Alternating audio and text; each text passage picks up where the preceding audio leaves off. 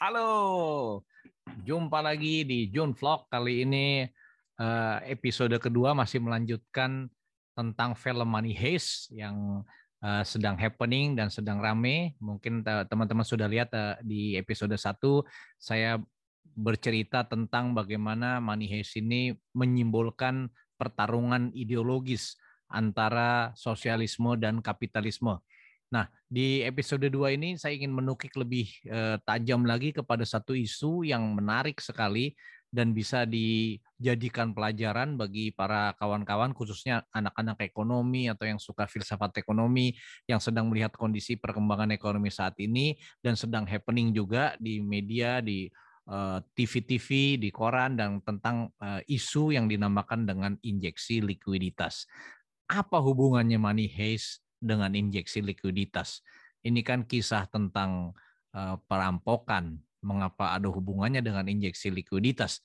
Ini kan kisah tentang bagaimana uh, profesor menguasai Royal Mint of Spain dan juga Bank of Spain. Apa hubungannya dengan injeksi likuiditas yang mana adalah sebuah kebijakan di bidang ekonomi? Untuk gampangnya saya akan uh, share screen di sini supaya bisa ada gambaran dan lebih mudah diskusi kita pada hari ini. Money heist dan injeksi likuiditas. Apa hubungannya money heist dan injeksi likuiditas? Ini sebuah kisah yang menarik. Jadi kalau teman-teman menyaksikan di season 1 dan season 2 uh, episode ini yang dilakukan oleh profesor dan kawan-kawan itu adalah melakukan perampokan ke uh, Royal Mint of Spain di season 1.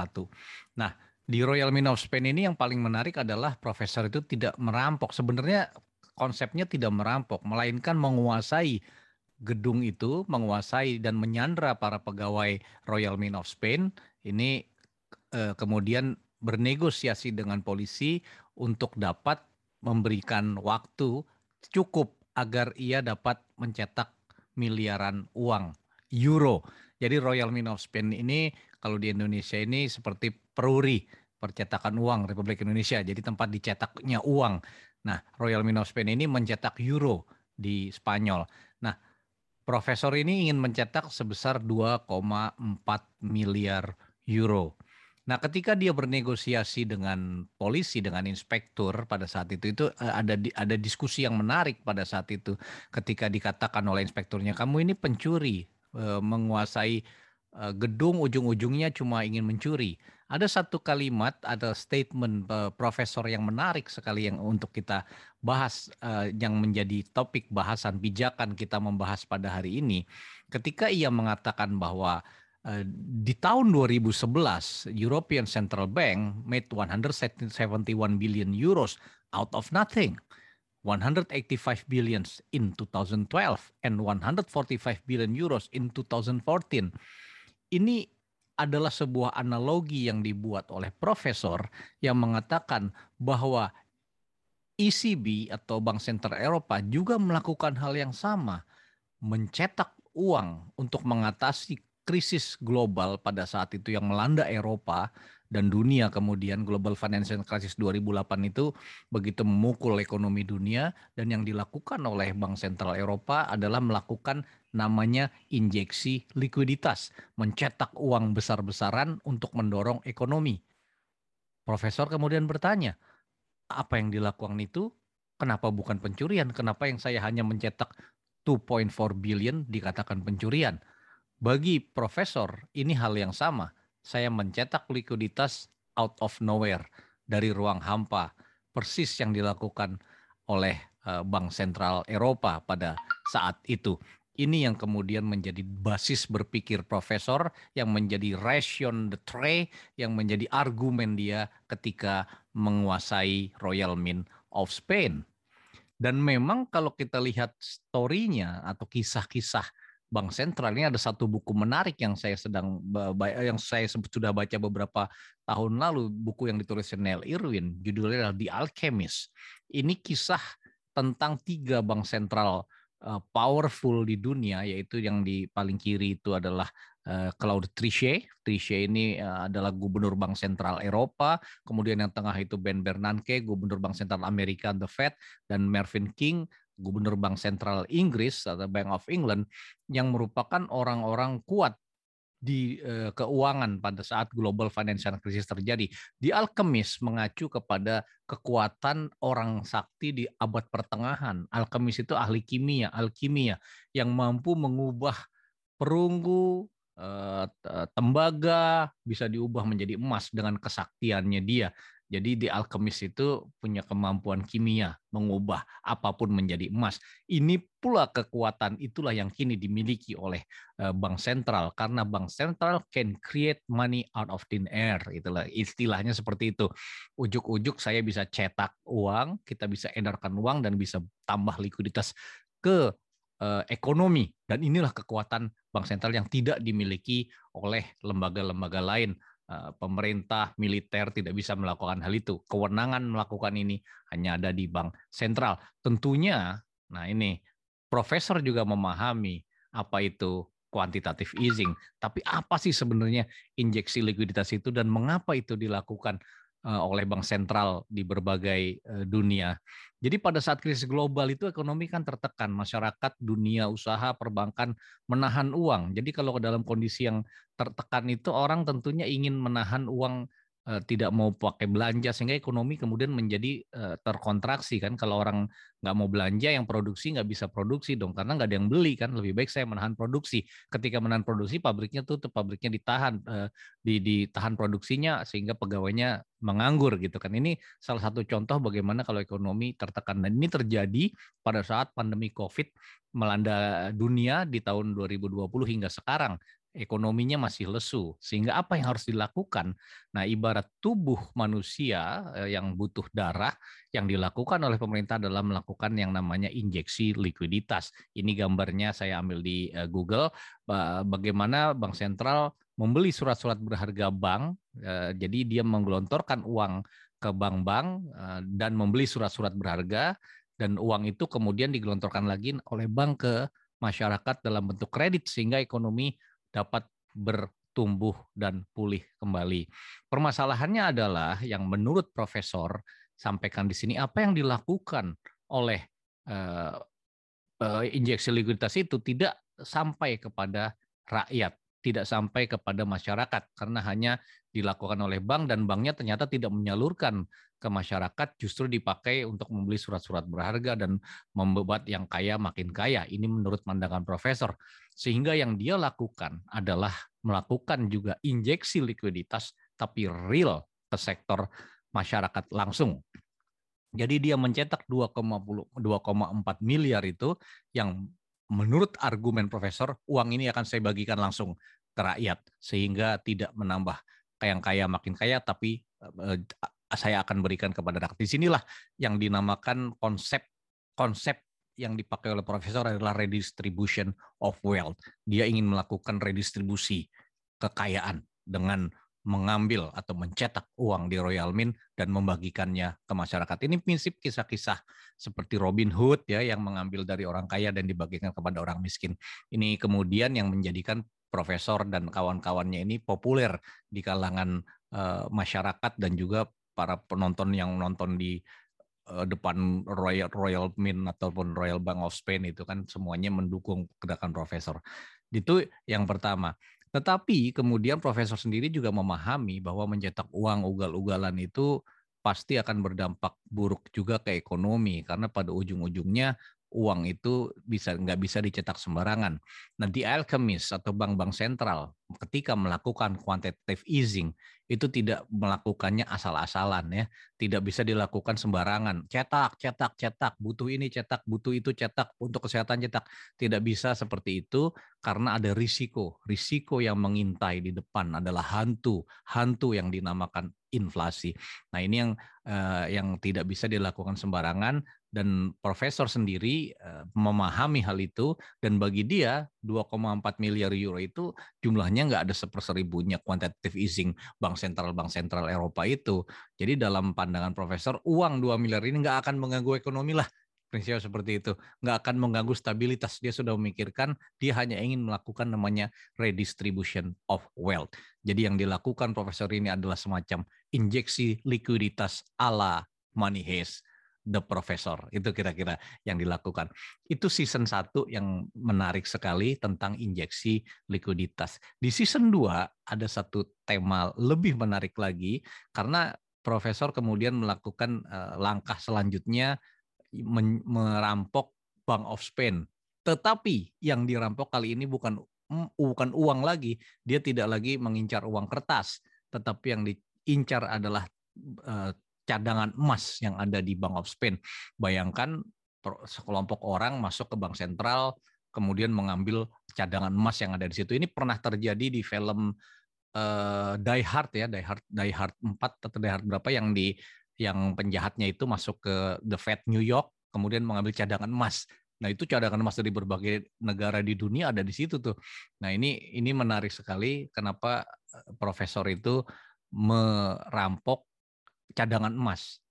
Jadi dia nggak merampok toko emas, toko emas di pinggir jalan yang nggak dirampok. Yang dirampok itu cadangan emas karena simbolisasinya beda merampok toko emas di Blok M atau merampok toko emas di pinggir di Melawai gitu dengan merampok cadangan emas di bank sentral tuh beda karena ada simbolisasi yang di sini bukan sekedar ngambil emasnya. Nah, apa simbolisasi yang dilakukan oleh profesor di sini adalah sebuah pemberontakan terhadap apa yang dinamakan dengan uang fiat. Uang fiat itu uang yang dicetak ya, uang kertas seperti sekarang beredar itu salah satu simbolisasi dari uang fiat.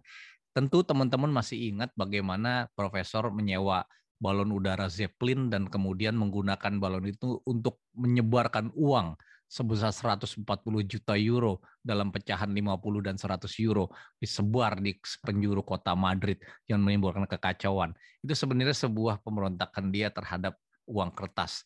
Ada juga profesor adegan dia mengobek uang 50 euro. This is just paper. Jadi ini hanyalah kertas. Makanya judul film aslinya tuh uh, La Casa de Paper, the, the, the Paper ya, House of Paper sebenarnya judul aslinya tuh, rumah kertas tetapi kemudian di Netflix diubah menjadi Money Heist. Nah, La Casa de ini menunjukkan pemberontakan uh, profesor terhadap uang kertas. Baginya uang itu hanyalah kertas belaka yang tidak dijamin oleh apa-apa. Mengapa orang masih menerimanya? Nah, ini uh, tentu menarik sekali kalau kita belajar di ujung-ujungnya ini kita akan masuk ke dalam sebuah perdebatan filosofis yang sangat licin dan perdebatan filosofis yang sangat pekat dan ketat di sini.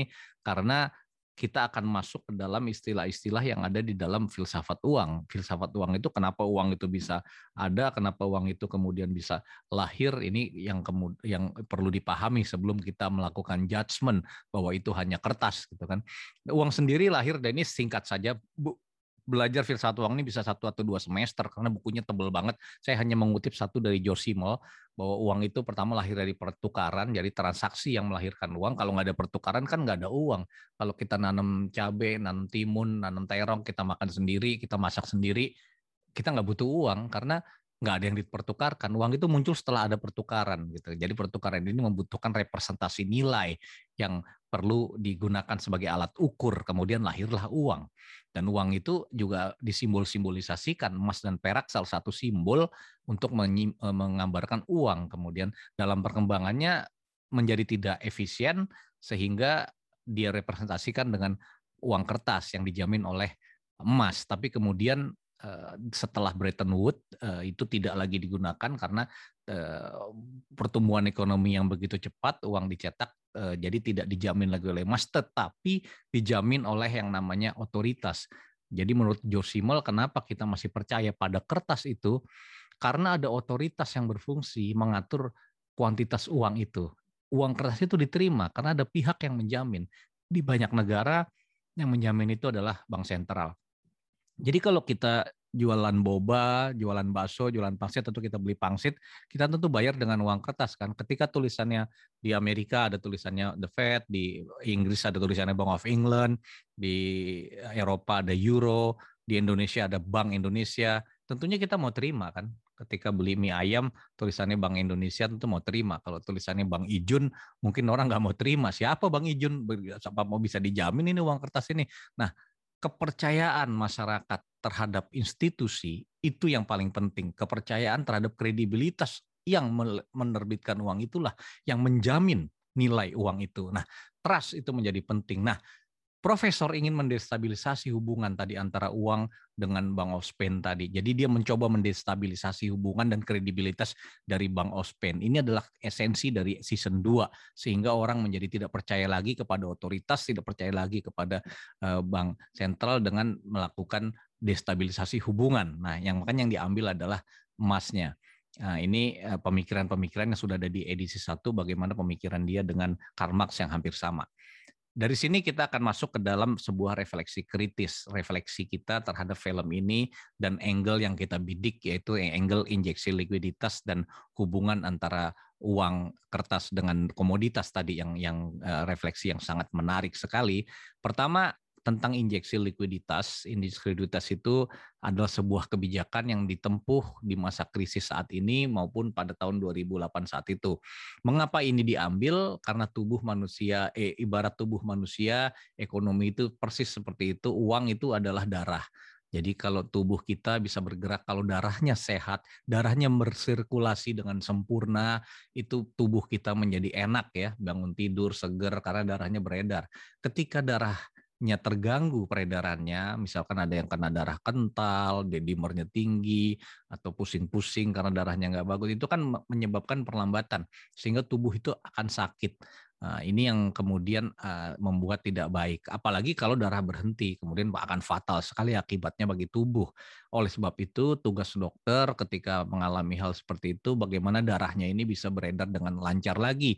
Ada yang diberikan intervensi, intervensi dikasih pengencer darah, diberikan juga dar sampai di infus atau dikasih donor donor darah ya tambahan darah. Begitu pula ekonomi ketika uangnya nggak beredar atau mandek di banyak tempat diberikanlah injeksi likuiditas, injeksi likuiditas ditambah lagi jumlah uang yang beredar sehingga e, ekonominya bisa tumbuh lagi. Tetapi itu harus dilakukan secara berhati-hati. Jadi yang kedua karena apa? Mengintai hantu di depan namanya hantu inflasi. Kalau dilakukan sembarangan tanpa terkontrol suka hati dapat berujung pada inflasi. Tidak bisa mencetak uang itu semau-maunya, apalagi untuk negara-negara seperti Indonesia, bahkan di Amerika, di Eropa pun ketika melakukan cetak uang dilakukan secara berhati-hati. Nah, di sinilah contoh-contoh kita lihat negara yang tidak terkontrol mencetak uang kayak Venezuela, Zimbabwe, kita lihat bagaimana menderitanya masyarakat di sana dengan uang yang beredar begitu banyak, tidak ada nilainya, harga-harga melejit tinggi. Ini yang harus dijaga dalam setiap kebijakan. Dan ketiga adalah uh, kita lihat bagaimana etik dalam money heist ini juga penting. Kita lihat uh, mereka merampok cadangan emas tujuannya uh, untuk mendestabilisasi tadi sistem. Tentunya mereka tidak mau tuh merampokkan kalau ada kejadian di mana itu banyak koleksi-koleksi museum Bank of Spain ya, ada topeng-topeng emas, topeng Inca segala macam. Tapi mereka tidak mau ngambil itu karena meskipun itu nilainya mahal dan tidak ternilai, mereka tidak mau ngambil itu karena yang diambil karena itu tidak sesuai dengan tujuannya. Tujuannya bukan itu gitu loh, bukan hanya sekedar ngambil uang untuk kaya, tetapi melakukan destabilisasi sistem tadi atau resisten gerakan resisten. Makanya yang diambil hanya cadangan emasnya saja. Tetapi kita lihat di ujungnya eh, tentunya keluhuran kapit eh, ini eh, keluhuran cita-cita resistensi ini juga mengalami jalan buntu karena pada akhirnya ketika menghadapi kapitalisme mereka sendiri terjebak dalam kehidupan kapitalisme itu sendiri seperti gerakan kiri baru New Left-nya Hockhammer dan Adorno yang mana kemudian mereka terjebak masuk ke dalam kehidupan kapitalisme hidupnya. Kemudian nanti kalau dapat duit ya buat beli mobil mewah buat beli motor gede gitu kan trek-trekan semuanya eh, minum minum minuman makanan mewah. Ini yang menunjukkan bahwa kemudian terjadi pertentangan ini tidak bisa selesai semudah itu itu kira-kira. Nah terkait dengan injeksi likuiditas dan bagaimana kita mengontrol ekonomi, bagaimana lalu di Indonesia? Apakah kita juga melakukan injeksi likuiditas? Nah ini satu hal yang menarik sejak tahun 2020 lalu ketika terjadi pandemi, ekonomi kita kemudian terpukul, ekonomi kita juga berat, banyak terjadi pengangguran juga, banyak masyarakat juga mengalami kesulitan karena ada dampak kesehatan dan dampak ekonomi ini. Tentunya pemerintah melakukan apa yang namanya pemulihan ekonomi nasional pemulihan ekonomi nasional ini persis yaitu dengan yang dilakukan dengan melakukan uh, tambahan likuiditas kepada masyarakat khususnya sektor kesehatan dan kemanusiaan. Ini yang paling penting karena kita sedang menghadapi pandemi. Nah, di tahun 2021 ini Bank Sentral Bank Indonesia bekerja sama dengan pemerintah juga terpanggil melakukan partisipasi pengurangan beban biaya kesehatan dan kemanusiaan. Jadi program pemulihan ekonomi nasional di 2021 ini didukung pula oleh Bank Sentral dengan melakukan nah ini Eh, injeksi likuiditasnya itu langsung ke penanganan kesehatan dan kemanusiaan. Jadi ini adalah sebuah uh, tambahan yang dilakukan oleh Bank Sentral dengan membeli surat berharganya pemerintah secara langsung. Kalau dalam keadaan normal tidak bisa membeli secara langsung, tapi ini adalah sebuah kondisi yang extraordinary sehingga Bank Indonesia membeli langsung sebesar 2000-2001 itu sebesar 215 triliun dan 2022 sebesar 224 triliun yang ditujukan langsung kepada penanganan kesehatan dan kemanusiaan. Jadi ini tujuannya langsung melalui jalur fiskal. Artinya kita melalui jalur tidak melalui jalur perbankan yang sudah dilakukan juga selama ini, tapi sekarang melalui jalur fiskal sehingga tujuannya langsung tercapai penanganan kesehatan dan kemanusiaan. Kira-kira itu yang uh, bisa saya share bahwa injeksi likuiditas Money ini mengajarkan kita satu ilmu yang penting, satu pelajaran penting tentang injeksi likuiditas di season 1 dan di season 2 bagaimana menjaga kredibilitas dari uang yang beredar dengan menjaga kredibilitas otoritasnya. Kepercayaan uang itu terletak kepada bagaimana otoritas mampu mengendalikan uang tersebut. Jadi kalau ada pihak-pihak yang berusaha mengganggu itu biasanya ingin mengganggu kredibilitasnya sehingga kita jadi tidak percaya. Jadi saya mengajak eh, kawan-kawan semua untuk tetap eh, optimis, tetap membangkitkan kepercayaan dan sama-sama kita dukung pemulihan ekonomi. Dari Money Heist kita belajar tentang ekonomi. Tetap menonton, tetap belajar dan tentunya tetap membuka diri terhadap pemikiran-pemikiran yang mencerahkan. Sampai jumpa lagi di episode selanjutnya.